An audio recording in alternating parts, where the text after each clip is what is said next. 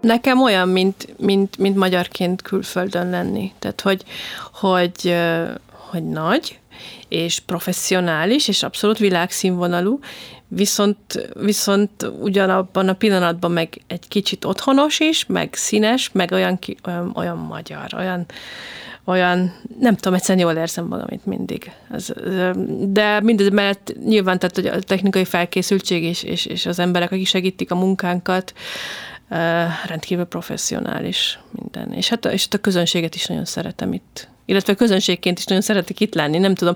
Olyan, olyan jó, jó itt a hangulat.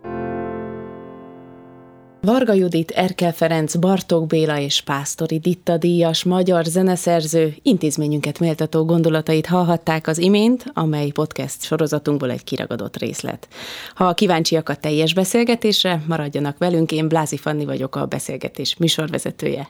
Biztos a kedves nézők, hallgatók is átéltek már olyan különleges nosztalgikus élményt, amikor egy illat, egy kép vagy egy hang érzékelését követően automatikusan felidéződik gondolatunkban egy régebbi régebbi történet, alkalom, vagy akár egy régebbi ismerős arca. Nincs ez másképp egy zenemű hallatán sem. Főleg egy előadó művész tekintetében. Sorozatunk is hasonlóképpen erre a gondolatmenetre épül fel, és mutatja be beszélgető partnerem életpályáját. Vendégünk előtt egy kis doboz található, amelyben egyelőre mindenki számára titkos posztitek sorakoznak fel egy-egy műcímmel ellátva, amelyek Judit számára valamilyen formában mérföldkövekké váltak.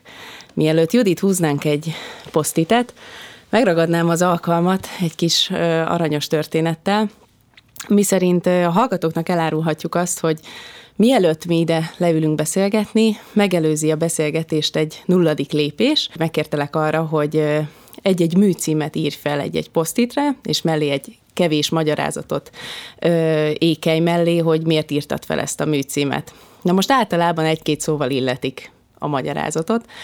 De viszont elolvasva a te kis magyarázataidat, mintha egy újságcikkbe érezném magamat, mintha egy újságírónak a, a sorait olvasnám, frappáns, megmosolyogtató és teljesen összefogott gondolatokat olvastam.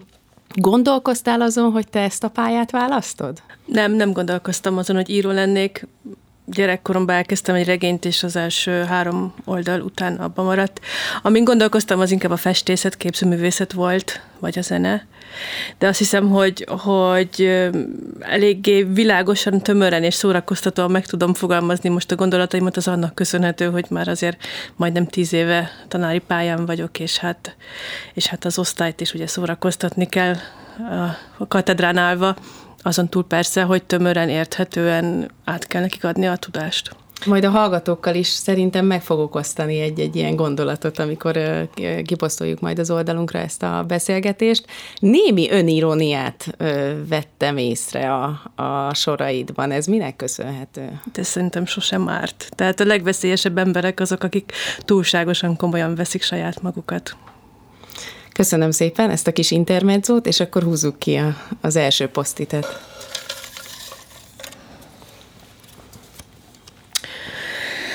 Ezen elég sok minden van, mint például James Horner, Beautiful Mind, és uh, Thomas Newman, ahol a Meeting Joe Black-et emeltem volna leginkább ki.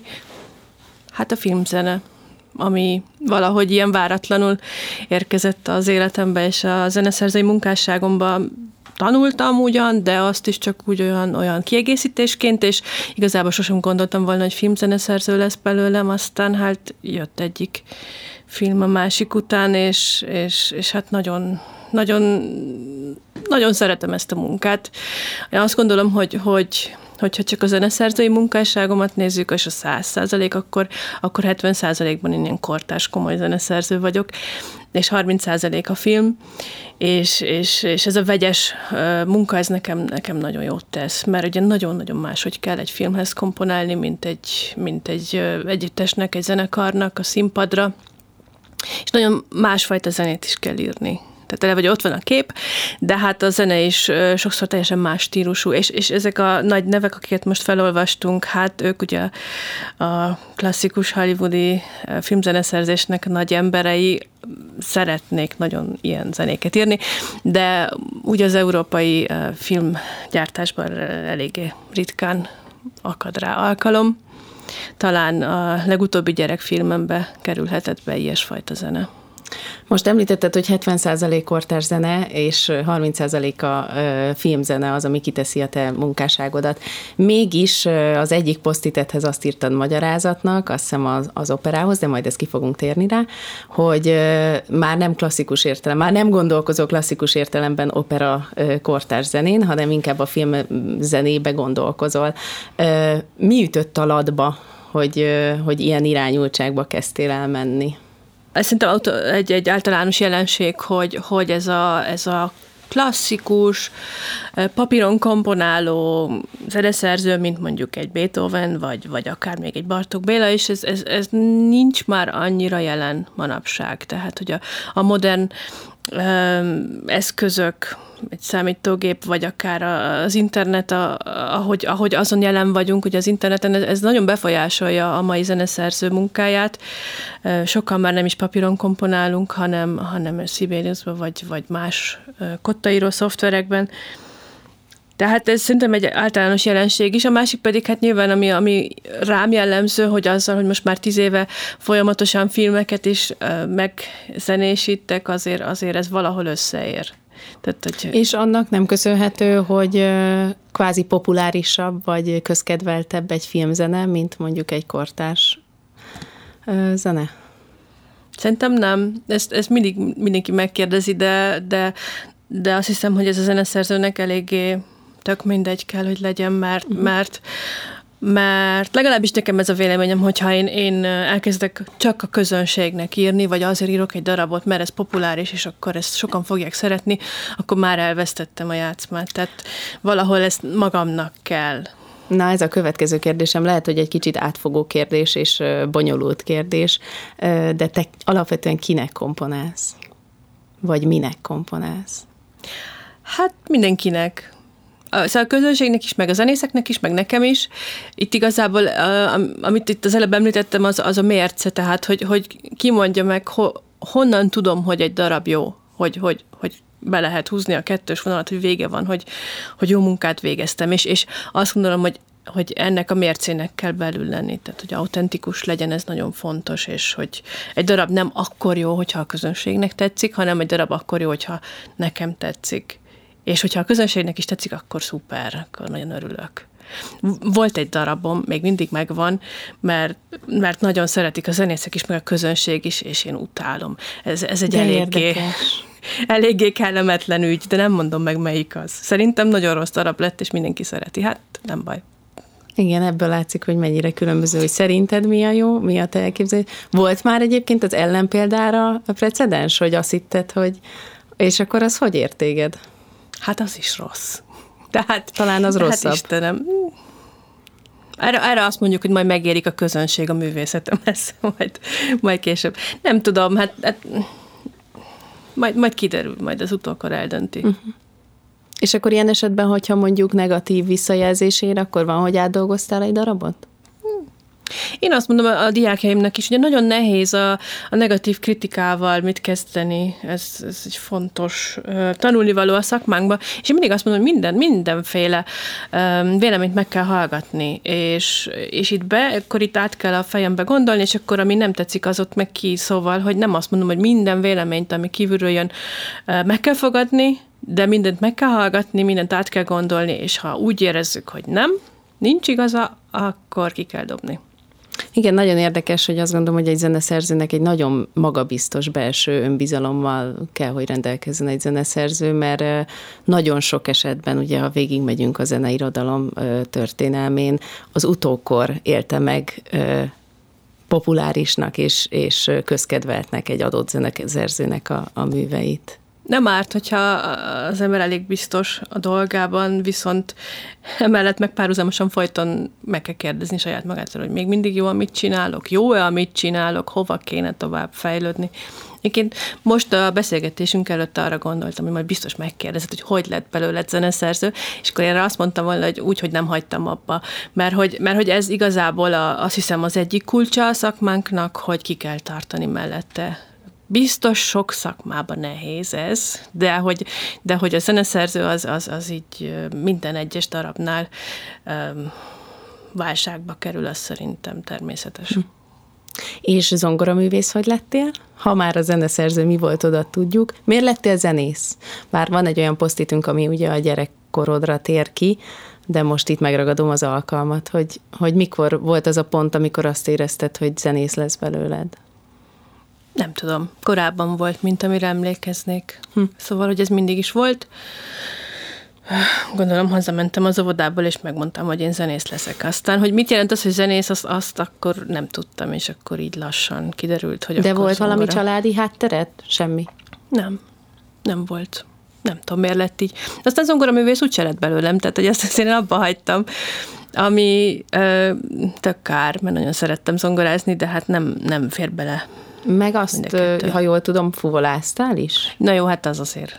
Az, az túlzás? Nem, az azért túlzás. Tehát a zeneiskolában, vagy csak így szájpróbálgatások voltak? Van. Aha. Aha. Sose vettem komolyan, csellóztam is, Uh-huh. De szóval, hogy ezek nem, nem, nem professzionális Aha. szinten folytak. De a konziba zongorával kerültél be, Így ugye? van, így van. Tehát a konziban még nagyon komolyan ment ez a kettő egymás mellett, sőt, igazából nagyon sokáig igazából zongorista akartam lenni, és hát egyre kevésbé sikerült ami szerintem azért van, mert mert a munka részét kevésbé élveztem. Tehát nagyon hm. szeretek a színpadon zongorázni, de a, az út, ami oda vezet, a gyakorlás, azt igazából rettenetesen untam egy csomószor. Hát akkor nem jó hangszert választottál, hát mert... Nem. Igen, és hát szerintem azért lett velem zeneszerző, mert viszont a zeneszerzést szeretem. Tehát ezt a, uh-huh.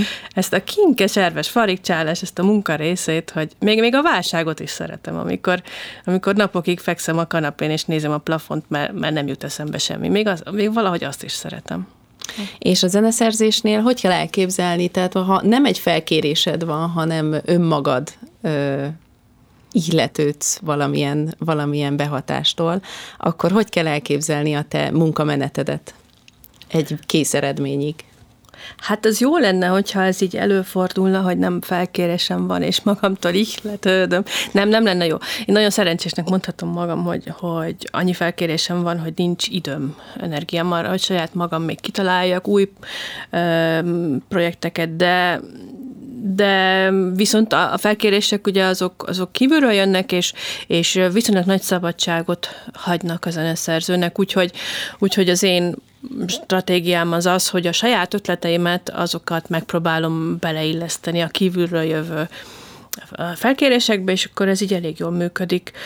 Um, hogy hogyan ihletődöm? Hát ez, ez um, egészen lilán úgy tudom megfogalmazni, hogy jön az ihlet, de hát vannak mindenféle mechanizmusok, ahogy ezt egy kicsit le, elő lehet segíteni. Tehát, hogy például az ember zenét hallgat, nem, nem konkrétan azért, hogy most akkor ebből a zenéből valami megtetszik, és akkor azt lemásolom, hanem egyszerűen csak belemerül a, a mindenféle zenékbe, legfurcsább zenék tudnak inspiratívan hatni, vagy, vagy, vagy más társművészetekből az ember erőt merít, de, de nagyon-nagyon jó ihlető közeg az unalom is Hm. Tehát amikor tényleg már semmi sem segít, és semmi nem jut eszembe, akkor nekiállok takarítani, mert az a legunalmasabb dolog a világon, és akkor, akkor jutnak eszembe a legjobb darabok, úgyhogy... Hát talán így leülepednek benned a gondolatok, és akkor, vagy az, az inspiráció ilyenkor, és és ebben az ellentekező esetben, hogyha felkérnek, akkor, akkor ez hogy néz ki? Te milyen típusú vagy? Te csapatmunkában dolgozó, vagy van neked abszolút egy konkrét elképzelésed, és azzal rukkolsz elő a, a megrendelőnek adott esetben? Én szerintem magányos uh, szerző vagyok, tehát megtanultam más emberekkel együtt dolgozni, de, de amikor aztán igazán a kreatív folyamat elkezdődik, akkor ne legyen senki ott, maximum macskám, de ő is csak halkan. Amit, amit viszont szívesen csinálok, az az alkalmazkodás. Tehát, hogy, hogyha azt mondja a megrendelő, hogy ő most ezt, meg ezt, meg ezt szeretné, akkor, akkor nagyon szívesen elébe megyek félúton, és megnézem, hogy az ő kívánságait hogyan tudjuk az én kívánságaimmal, vagy képességeimmel összeegyeztetni, és akkor, ha nagyon nem megy, akkor, akkor még vissza is adom a felkérést, mert, mert az a, azért annyit nem ér a dolog. Hm.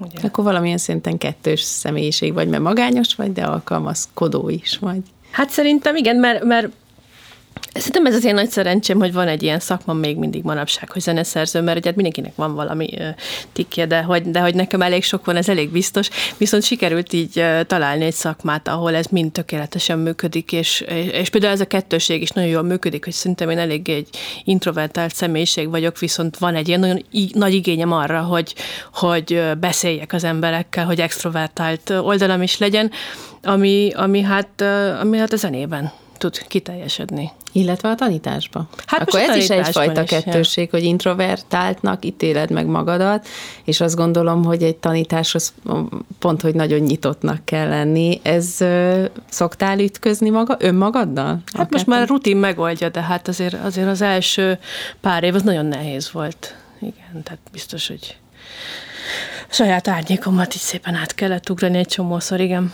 Hm. Hm. Húzunk egy újabb posztitet.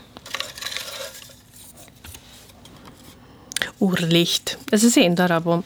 Leesett, nem baj. Ez, egy, ez egy zenekari dal. Magyar Állami Operaház rendelte az újévi koncertjükre, és Vörös Szilvia énekelte gyönyörűen. Um, nem biztos, hogy ez a legjobb darabom, de nagyon szeretem, meg, meg ami, amire emlékszem vele kapcsolatban, az nagyon fontos volt számomra, hogy, hogy amikor bementem az első próbára, meghallgatni a zenekarral, hogy hogy szól a darab, akkor teljesen úgy szólt, mint a fejemben. Hmm. És hogy ez, ez nem természetes, ez szerintem minden kollégám uh, most így bólogat a képernyő másik oldalán, hogy, hogy hát azért az út idáig nagyon hosszú. Tehát, hogy, hogy ez tényleg 20, 20 év kemény zeneszerzés, és tanulás, és, és újabb darabok, és darabokat írok, meghallgatom, nem, meghallgatom, nem. Szóval, hogy, hogy azért az ritkán fordul elő, hogy tényleg valami úgy szól, ahogy a, ahogy a fejemben. Ez egy érdekes dolog, mert azért most már a technikai vívmányok meg megkövetelik, vagy nem megkövetelik, megsegítik azt, hogy van lehetőség arra, hogy akár egy kotta programba te lejátsz, nyilvánvalóan nem lesz olyan a hangzás világa, de meg tudod hallgatni. Te meg szoktad hallgatni, vagy rögtön viszed egy, egy élő zenekarhoz, vagy egy élő akármilyen felállású darabnál.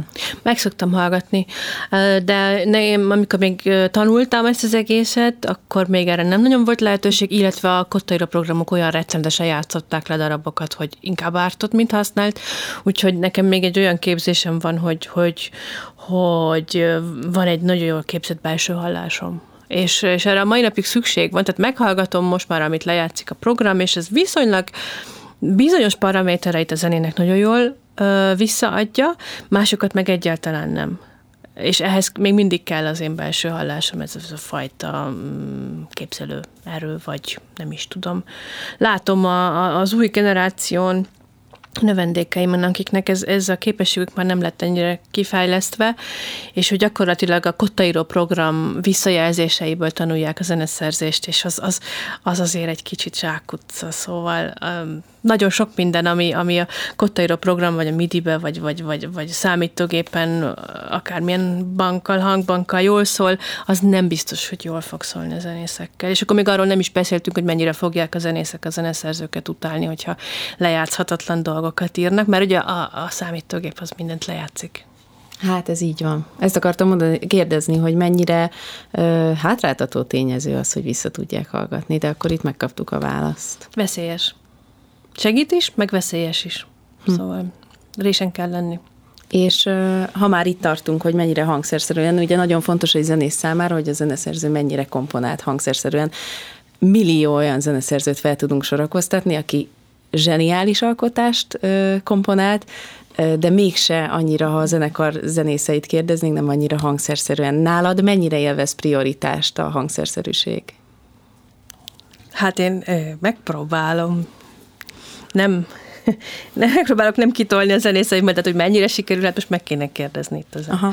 zenészeimet, hát hol sikerül, hol nem, de hát de hát azon is múlik egyébként, hogy, hogy mennyire ugyanabból a, a, a hát körből jövök, mint a zenészeim. Tehát, hogy, hogyha egy magyar együttesnek írok, akkor azért, azért nagyon nagyon más dolgokat szoktam írni, mint hogyha mondjuk egy német együttesnek írok, vagy egy osztrák együttesnek, vagy egy francia együttesnek. De érdekes, és mi a különbség? Tudsz egy picit ilyen párhuzamot vonni, pár, pár gondolattal? Hát ezek a tényleg a utóbbi pár 10-20-30 év technikai vívmányai, tehát hogy, hogy hogyan fejlődik tovább a hangszer játszási technika, vannak ezek a kiterjesztett játékmódok, ugye, ami, ami nem része az alapképzésnek, tehát mondjuk simán lediplomázol akármilyen szuper egyetemen, és még soha nem um, játszottál slaptangot, vagy, vagy, vagy fluttertont, vagy, vagy, vagy akármit és ezt így körülbelül lehet tudni, hogy melyik ország milyen együttesének melyik zenészei ebből a tudásból hmm. mennyit tudnak anyanyelvi szinten. Van, aki többet, van, aki kevesebbet, van, aki sokkal bátrabb, és akkor mondjuk lehet tőlük kérni, hogy állj föl, tehát egy rendes hangszeres, állj fel, dobd el a hangszeredet, kiabálj, vagy, vagy szökelj indián ugrásban, és mások meg erre azt mondják, hogy már elnézést, én klasszikusan képzett zenész vagyok, én, én nem, nem fogok bohócot csinálni magamból a, a színpadon, de nem csak ez, hanem hogy hát, hát van, a, van a közös um, zenei anyanyelvünk, és, és az például ugye a magyar zenészekkel egészen más, mint az osztrák zenészekkel, tehát hogyha arra gondolok, hogy itthon mindenki, aki kortárs zenét játszik, mondjuk anyanyelvi szinten beszéli most már hát Bartókot, Ligetit és Kurtágot, akkor, akkor erre tudok alapozni, és nem kell egy csomó mindent elmagyarázni a kottába, hanem látják a hangokat, és rögtön tudják, hogy hogyan kell játszani, interpretálni, frazeálni. Ez például egy német együttes nem fogja tudni. De érdekes. És te például egy kotta kidolgozásnál, ez egy érdekes kérdés, hogy mennyire adsz inst, mennyire szájbarágosan, most ez furán hangzik, adod a zenészek szájába, hogy hogy interpretálják, Inkább, inkább szájbarágosan, vagy inkább rájuk hagyod a, az interpretáció mienségét?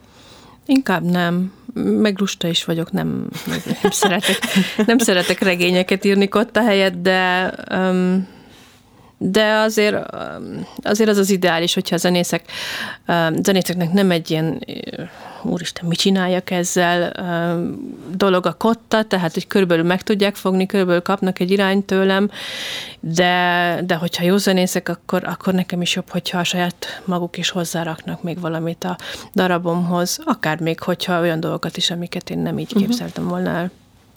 Hm. Hm. Hm. Na nézzünk egy újabb hosszunk.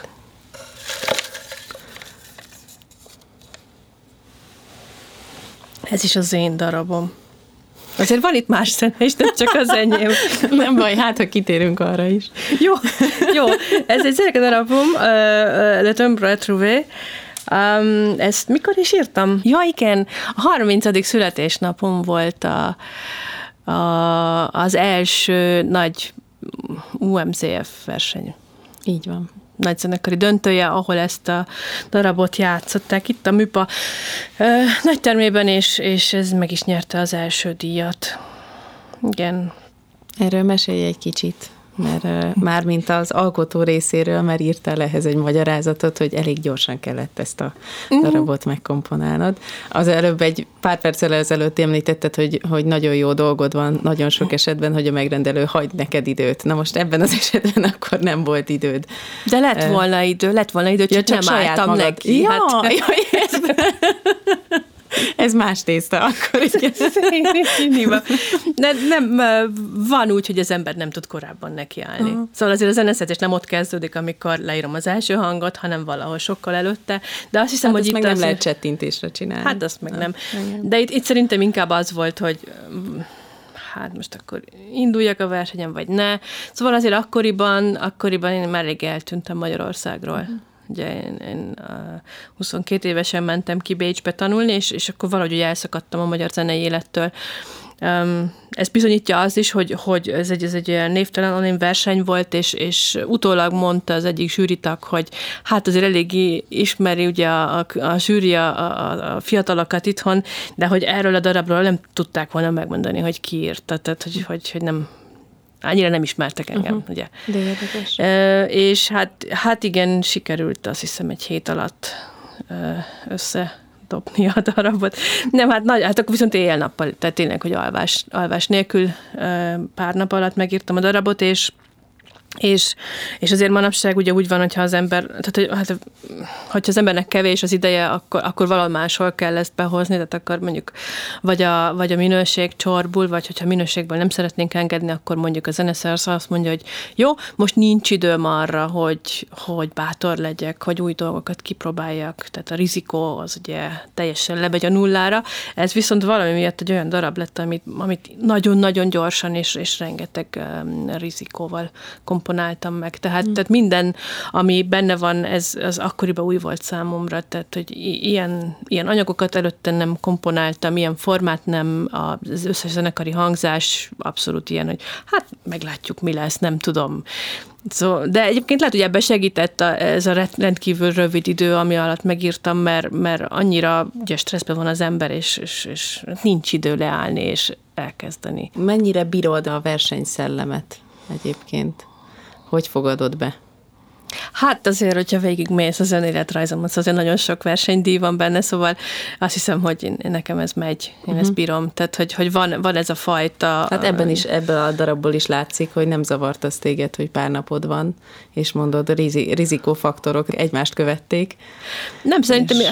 ezt én, ezt én um, gyerekkoromban tanultam meg a, a, a zongorából, mert, uh-huh. mert rettenetesen izgultam a minden egyes színpadra lépés előtt, és hát teljesen beteg voltam minden koncert előtt, és, és rájöttem, hogy ez így nem fog menni, mhm. voltam mondjuk tíz éves, és, és, és akkor valahogy így bekattant, hogy ezt a fajta energiát, ezt az adrenalint, ezt lehetne um, pozitívan is használni. És, és ezt csinálom a mai napig. Tehát, hogy, hogy a félelmet akkor valahogy pozitívvá át változtatja az ember a fejébe, tehát akkor nincs időm, akkor ebből azt, azt merem, azt, a, azt, a, azt az energiát nyerem, hogy, hogy bátor leszek. Ugye? Nagyon érdekes, mert nálunk is nagyon sok zenész van a családban, és két, két részre bomlunk, amit az előbb említettél. Van, vannak az én típusú családtagok, akik akik kifejezetten ugyanezt a gondolatmenetet képviselik, hogy az embernek az adrenalin szintjét, meg az izgulás faktorját, azt pozitív irányba kell vinni, és ha kiáll az ember a színpadra, akkor azt kell mondani, hogy most ez van előttem, ez van az én tudásomban, vagy a tudástáramban, és most megmutatom, hogy, hm. hogy mi az, amit én tudok. Ezt lehet nagyképűnek is nevezni, de azt gondolom, hogy egy előadó művésznek így kell hozzáállni. Te a növendékeidben ezt hogy, hogy próbálod közvetíteni ezt a gondolatot? A zeneszerzés képzés az azért egy nagyon-nagyon egyéni dolog. Uh-huh. Nyilván egy hangszeres képzés is, de hát, de hát a zeneszerzés szerintem még, még személyre szabottabb, és hát a, a legnagyobb eredmény, amit egy zeneszerző növendék elérhet, hogy megtalálja a saját útját, azt, ami neki örömet okoz, és az, ami neki megy. És ez mindenkinél teljesen más. Igen. Húzunk egy újabb posztitet. Annyi van még, hogy sürgetem a húzásokat. Stravinsky, tavaszi áldozat. Hát azért ez egy nagy klasszikus, és hát nagyon-nagyon szerettem gyerekként, vagy hát mit tudom én, ilyen tizen pár évesként, és, és fejből tudtam, rengeteget hallgattam, játszottam egyébként zongorán is partitúrából, és, és akkor Um, Bocsánat, itt egy picit kagyarodjunk is el. Mi a Stravinsky tavaszi áldozatnál megemlítetted azt, hogy a, a partitúra olvasás az volt a te irányvonalad, és azt tudtad az összes konzis közül a legjobban ö, művelni. Ezt is olyan frappánsan fogalmaztad meg a kis ö, megfogalmazásodban. Erről pár gondolatodat, ö, gondolatodat hozd meg velünk, légy szíves, hogy, hogy minek köszönhető szerinted ez az adottságod? Hát ez egy, ez egy klasszikus dolog, manapság már nem nagyon csináljuk, hogy, hogy az ember fog egy zenekari partitúrát, amiben ugye nem tudom, 20, 30, 40, 50 sor van, és leül az zongorához, és ott lejátsza mindent, amit a zenekarnak kéne játszani, saját maga a tíz ujjával az zongorán. Ez a partitúra játék, és és nekem ez nagyon-nagyon jól ment, meg, megélveztem is, nem tudom, hát minden képzésem meg volt hozzá, tehát hogy zeneszerzőként átláttam a darabokat, tudtam, hogy mi a fontos, mit lehet kihagyni, nagyon jó szolfészenemélet hátterem volt, tehát bármilyen kulcsot, bármilyen transzpozíciót tudtam olvasni, és hát mellette meg zongorista voltam, tehát a technika is megvolt, és, és hát ez tényleg iszonyatosan jól ment nekem, sokkal jobban, mint bárki másnak. És, és, és ugye hát 16 éves voltam, vagy valami, és akkor, és akkor az ember gondolkozik azon, hogy na, akkor, akkor merre felé menjek, mert hát ugye az ember sok mindenhez ért, de hát amiben a legjobb, abból kéne ugye karriert csinálni, és akkor ebből biztos lehetne, mert mondjuk a Liszt Ferenc is csinált ebből egy eléggé ö, nagy karriert, tehát ő, ö, nyilván nagyon jó zongorista is volt, meg zeneszerző is, de, de a koncertjeinek egy része az abból állt, hogy zenekari műveket a kollégáktól zongorán visszaadott, és ez, és ez akkoriban nagyon nagy dolog volt, mert, mert nem volt Spotify, meg YouTube, tehát hogy nem lehetett a zenekari műveket csak úgy meghallgatni, de akkor jött a liszt, és akkor eljátszotta őket zongorán, és je. És ez, ez nyilván egy, egy előttem is ugye ez, ez a karrier nyitva állt volna a képességeim iránt, hogyha mondjuk egy pár száz évvel korábban születek, de hát sajnos nem. Tehát manapság erre már semmi szükség nincsen, úgyhogy hát ez, ezt kidobtuk a kukába. Nem baj. És miért tartozik a kedvenc darab, vagy miért hallgattad annyiszor ezt a darabot? Nem tudom, akkoriban ez volt talán az egyik legmodernebb darab, amit ismertem, és hát ezzel aztán jól be is fürödtem, amikor felvételiztem a Bécsi Zeneművészeti Egyetemre, jó, 18 éves voltam, no, és, és, és akkor ott van, mai napig van egy ilyen kérdés, hogy no, és milyen kortárs zenét ismer, és mit hallgatott legutóbb, és akkor így, így szeretnék felmérni, hogy mennyire van az ember képbe, és akkor mondtam, hogy nagyon büszkén, hogy Stravinsky tavaszi áldozat, és csóválták ott a fejüket németül, hogy hajszeg szegény kislány, se tudja, mit írnak manapság. Hát nem tudtam, no, hát nem, uh-huh. nem nagyon, úgyhogy, de aztán, aztán elmondták. Uh-huh. Most már tudom. Meg lehet, hogy azért ott is izgultál, nem? Vagy nem izgultál a felvételin? Honnan jött egyébként Bécs? Tehát uh, itt tanultál a Bartók konziba, és utána a Liszt Ferenc Zeneművészeti Egyetemen is voltál, ugye? Igen. És akkor utána mentél ki az MDV-re. Párhuzamosan felvételiztem uh-huh. mind a kettőre, csak aztán itt kezdtem a tanulmányokat, és aztán ott kezdtem a másik tanulmányokat, és akkor párhuzamosan fejeztem uh-huh. be a kettőt. Nem volt ez ennyire nyilvánvaló, hogy Bécs csak, csak annyira húzott ki valahogy a szívem, hogy, hogy külföld, hogy valamit meg kéne nézni, még uh-huh. mást is, mint Magyarországot, és akkor Bécs lett belőle és akkor ott ragadtam, amit hát ma már, már egyáltalán nem bánok. Szóval nagyon, nagyon jó hely. És ott az alkalmazott zene és média zene? Mm, média zeneszerzés, igen. Ezt igen. pár mondatban összefoglalod, hogy ez mit is takar? Inkább itt az alkalmazott zenére vagyok kíváncsi. Hát ezt nehéz lesz most pár mondatban összefoglalni, mert ugye akkoriban én azt ott tanultam, most már én vagyok ennek a, a professzora, és pont most dolgozunk azon, hogy ezt újra definiáljuk, hogy ez mit is jelent, és, és mert, mert, mert egy, egy média zeneszerzés, vagy egy alkalmazott zeneszerzés gyakorlatilag bármi lehet. Tehát igazából csak arról van szó, hogy, hogy valami más médium összekapcsolódik a zenével. Tehát, hogy nem autonóm önmagában álló zenét írunk, hanem egy színházi zenét, egy, egy rajzfilmet, vagy egy mozifilmet, vagy egy, vagy egy számítógépes játékot zenélünk alá, vagy akár tánc van hozzá, vagy, vagy, vagy nem tudom, bármi lehet. És ugye stílusban is bármi lehet. Tehát, Jaj, hát nagyon nagy, nagyon nagy ez az egész. És széles körű. Széles körű, igen, és, és hát borzasztó izgalmas. És, és ez nagyon vonza a diákokat is, tehát ö, ugyanolyan nagy most már a várólistám, mint az osztályom, és hát az osztályom is teljesen tele van, mert, mert, mert ez, ez, a, ez a bármit lehet, és nem tudjuk hova, hova megyünk, ez, ez, ez nagyon izgalmas. Ez kecsegtető uh-huh. egy 20 éves diáknak, az biztos. Uh-huh. Meg azt gondolom, hogy ez egy híd talán a, a kortárs zene és a populárisabb zene között a klasszikus értelembe vett kortárzene, nem? Már nem. megint. Ezt, ezt mindenki így gondolja, én meg nem így gondolom, de lehet, hogy nektek van igazatok. Na, akkor vitatkozzunk. Jó. szóval nyilván, nyilván jól esik az embernek, hogyha mondjuk megtapsolják, vagy nem tudom, vagy, vagy amikor az, az első filmzeném, hogy akkor ott, ott egy ilyen hatalmas moziteremben ott elhangzott, vagy mit tudom én, és akkor rengeteg ember azt ott szerette, de hogy szerintem emiatt az ember nem ne írjon zenét. Vagy ha igen, akkor meg menjen el teljesen igen, csak más ez irányba. egy nagyon más gondolkozás, tehát akkor ez egy abszolút zeneszerző gondolkodásmód. Mert az ember úgy gondolkozna, hogy minden ember úgy, ö, tehát a sikerre vágyik valamilyen szinten, vagy visszajelzésre vágyik, és hogyha, vagy nem? De, de, de, de mi a siker? Tehát, hogyha Aha. nekem az abszolút siker, hogy rengeteg ember ismerjen, világhírű legyek, folyamatosan a tévébe legyek, mit tudom én, akkor, akkor a zeneszerzés az nem egy jó pálya. Uh-huh. Tehát nálunk azért a igen, siker ott át kell fogalmazni a sikernek igen. a fogalmát. Igen, hm. igen, igen. De érdekes. Na térjünk rá egy újabb posztitra. Ja. Megint az én darabom. Jó, ez a Mr. West. Ez nem darab, ez film. Ez, ez Kulesov egészen elképesztően vicces filmje. Azt hiszem, hogy 26-os, 27-es, 1927 egy uh, szovjet western komödia. Vígjáték, bocsánat. Szovjet western vígjáték, igen. Um, rettenetesen vicces film, nagyon merész is, és, és mindeközben pedig hát ugye, száz éves, és fekete-fehér, és nincsen benne párbeszéd, és lassú, és stb. stb. Ez egy, ez egy felkérés volt, amivel rengeteget szenvedtem.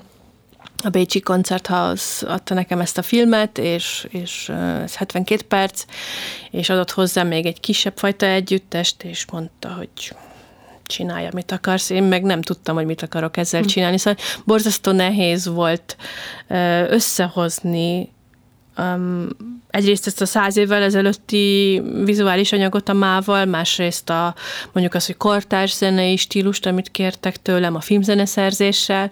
Ugye ezek rettenetesen uh, vicces, ilyen slapstick jelenetek, és, és azért ehhez leginkább a, a zeneszerzői technikák közül a, a Mickey Mousing illene, amit ugye hát tényleg a Mickey Mouse meg a, meg a hasonló filmekből ismerünk, ami, ami viszont hát teljesen más stílusban szokott íródni, mint, mint mondjuk egy kartás zene, mert hogyha azt nézzük, hogy egy, egy modern, vagy egy új zene, ho, hova kerül be a, a filmművészetbe, hát akkor leginkább ugye a horror thriller irányba megyünk. Tehát, hogy pont a vígjáték nem az, ahol van mondjuk diszonáns musikát írnék, itt pedig ez volt a feladat. Hát, de újra kellett az egészet, mindent gondolni, amit addig tudtam a zeneszerzésről, és hát na erre viszont hagytam időt.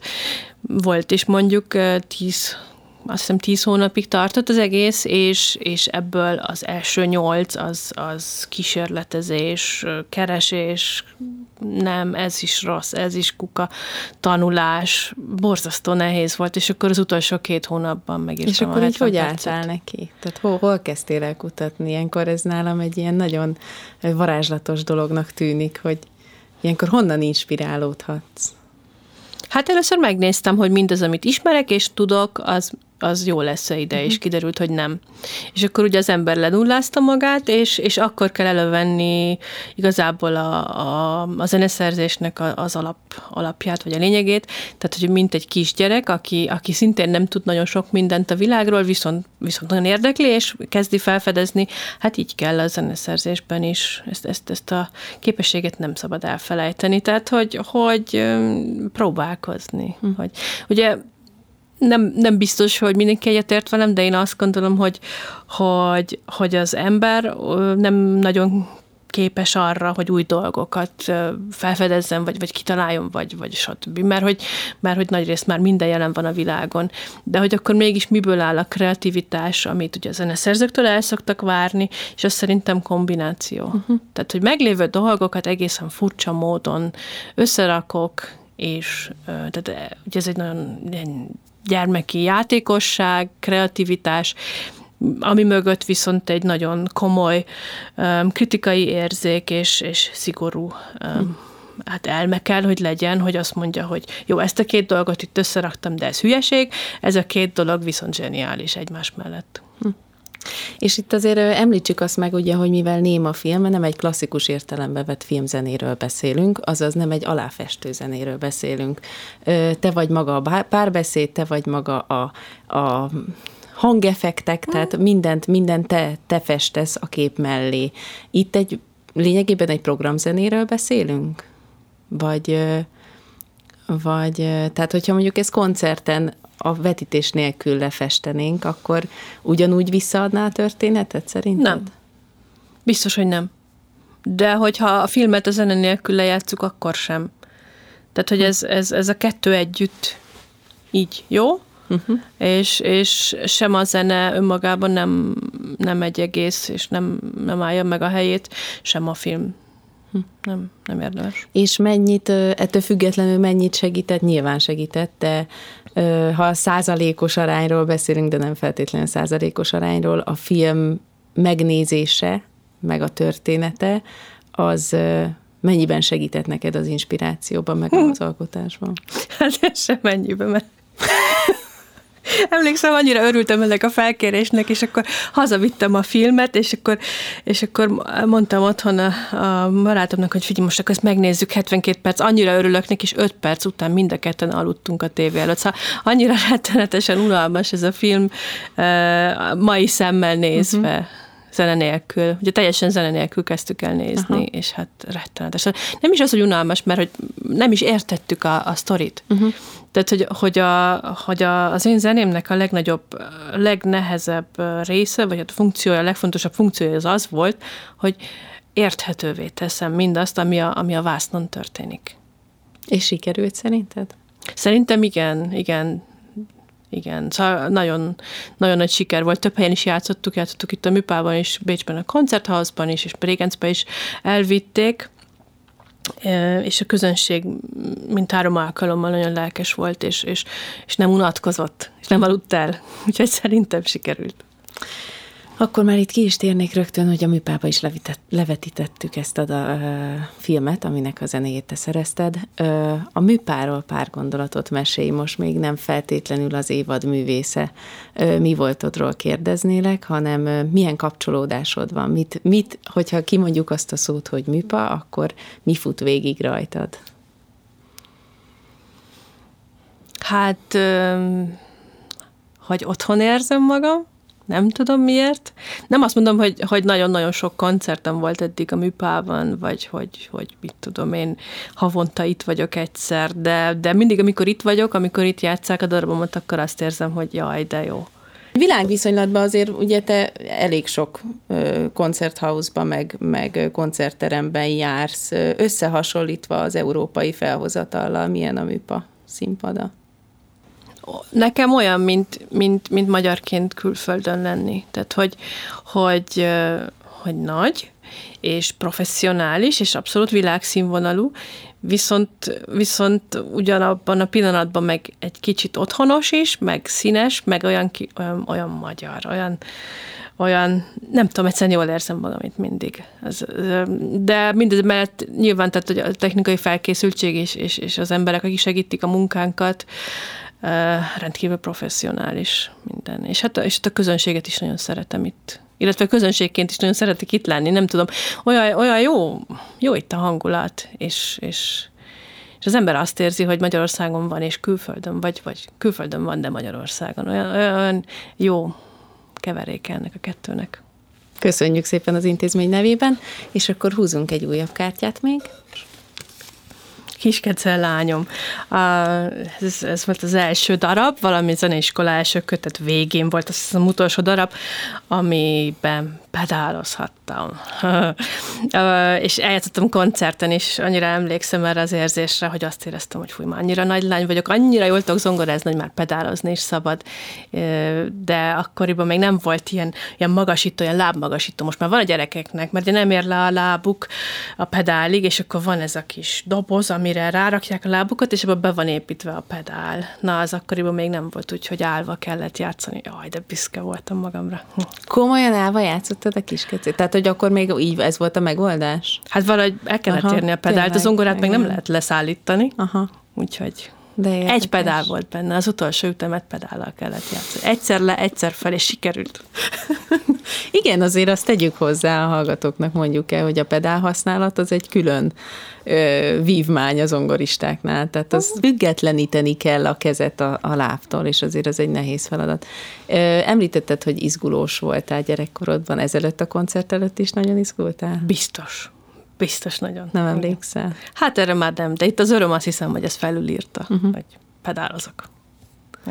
Na, akkor gyorsítsuk a, a folyamatot, és akkor húzzunk még posztitet. A Momo. Momo az a cicám. Ezt azért tegyük hozzá, hogy ezt véletlenül írtad bele a posztitek közé, és odaírtad nekem magyarázatként, hogy ez a kis cicámnak a neve, nem tudom, hogy került ide, azt hiszem ezt írtad, de most már mindegy, valamilyen magyarázatot írtál. Direkt hagytam benne, mert idáig mindenről beszéltünk, a munkásságodat kimerítettük, de a magánéletedről nem. Beszéltünk zeneszerző mi voltodról, zongorista mi voltodról, vagy volt mi voltodról, ö, oktató mi voltodról, professzor mi voltodról. Marad időd a magánéletedre?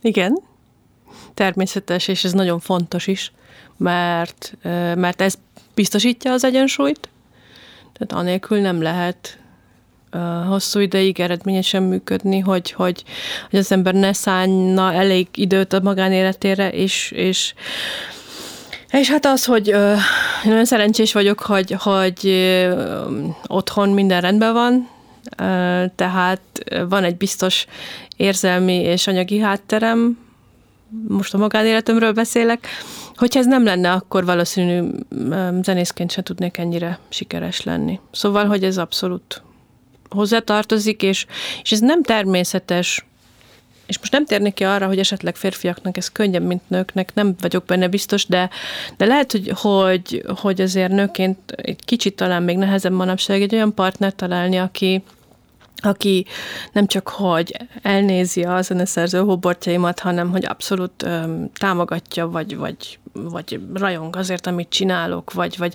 vagy megérti, hogy, hogy azért ez egy furcsa dolog, hogy, hogy tényleg vannak olyan napok, amikor az, az van, hogy, hogy jaj, itt az ihlet, akkor, akkor bocs, én most elmentem a stúdióba, és akkor találkozunk két nap múlva, és, és hogy ez nem csak, hogy ezt elnézi nekem, hanem, hanem azt mondja, hogy persze, persze, ez, ez a hmm. munkát természetes. Támogatja. Hát nagyon, igen, igen. Ő is zenész egyébként? Nem, nem, és ez nagyon jó.